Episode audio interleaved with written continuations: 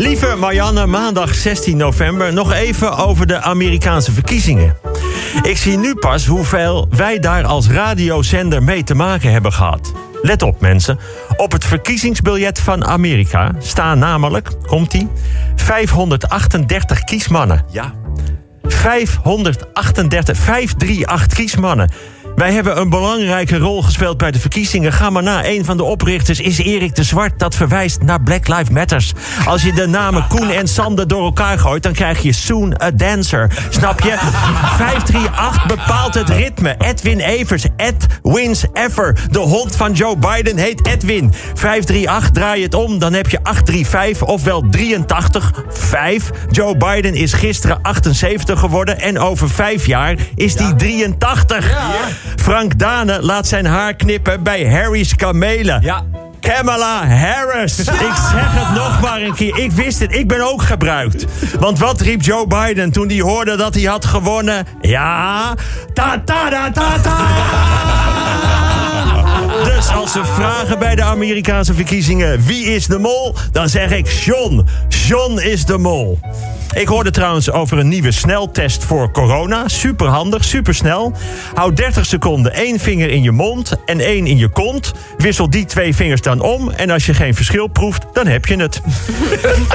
Nou, Er komt een slimme camera om automobilisten op appen te betrappen. Camera's hangen heel slim langs en boven de weg en nemen vooral foto's van de handen. Vraag niet hoe het kan, maar daarom heten ze ook slimme camera's.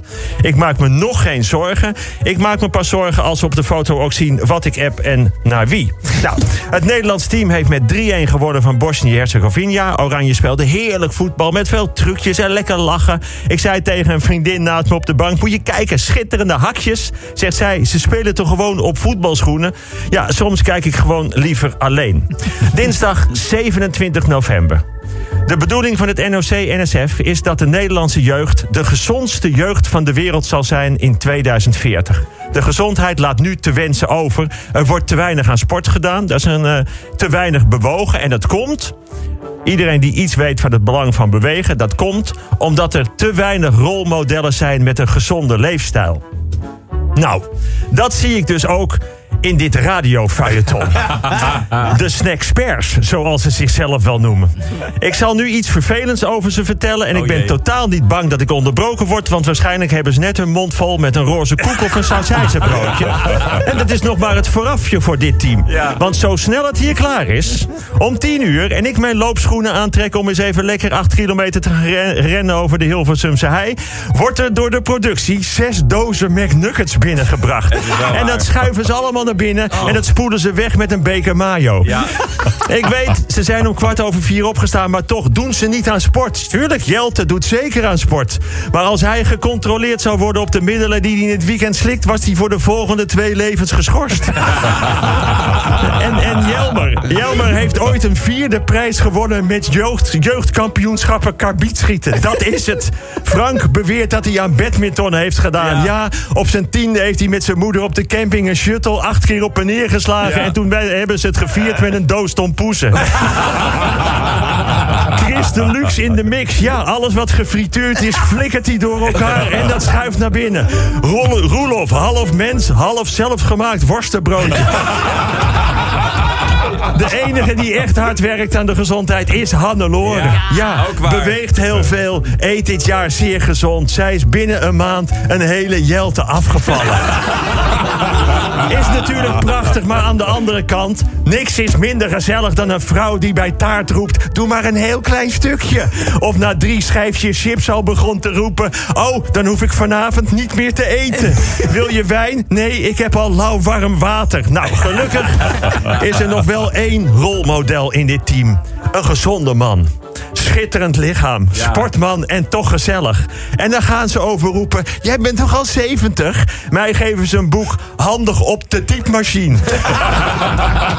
of ze vragen: Zat jij niet op de kleuterschool met Queen Elizabeth? Nou, want ik probeer te zeggen: mensen, bewegen is goed. En let een beetje op wat je eet. Dinsdag 17 november, zoals jullie weten, kom ik uit Amsterdam. En wat blijkt deze week? In Amsterdam wordt het beste Engels gesproken van de niet-Engelstalige steden. It is but that you'd ever know. Het Duitse voetbalteam, Der Mannschaft, heeft met 6-0 verloren van Spanje. Zit je in de 89ste minuut toch nog te denken dat het 7-6 kan worden? Maar het bleef 6-0 en daar moest ik zo om lachen. En toen begreep ik dat mijn vader nog diep in mij zit. Woensdag 18 november. Ik was vanmorgen vroeg op het mediaterrein in Hilversum. Moest bij een gebouw zijn van de NOS. Het was nogal donker. Ik ben over een snoer gestruikeld. Schoot een hele grote stekker uit een stopcontact. Ik wil binnen vertellen wat er gebeurd was. Werd gelijk weggestuurd omdat ze last hadden van een technische storing. Nou prima, zeg ik toch niks.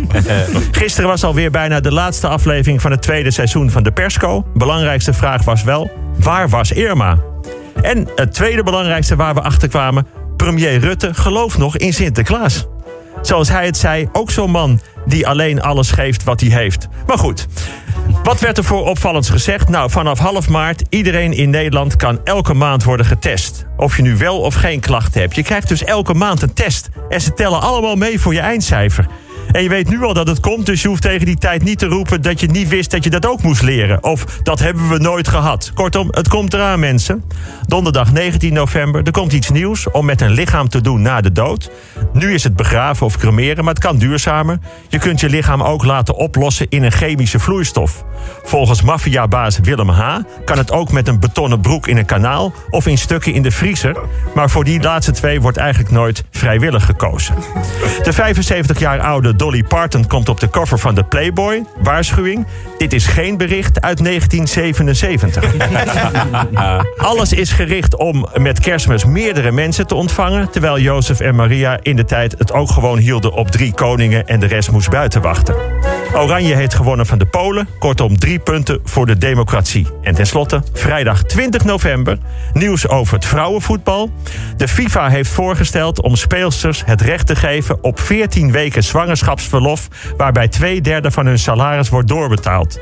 Dus je hoeft voortaan als zwangere vrouw niet meer met een enorme buik in het muurtje te gaan staan.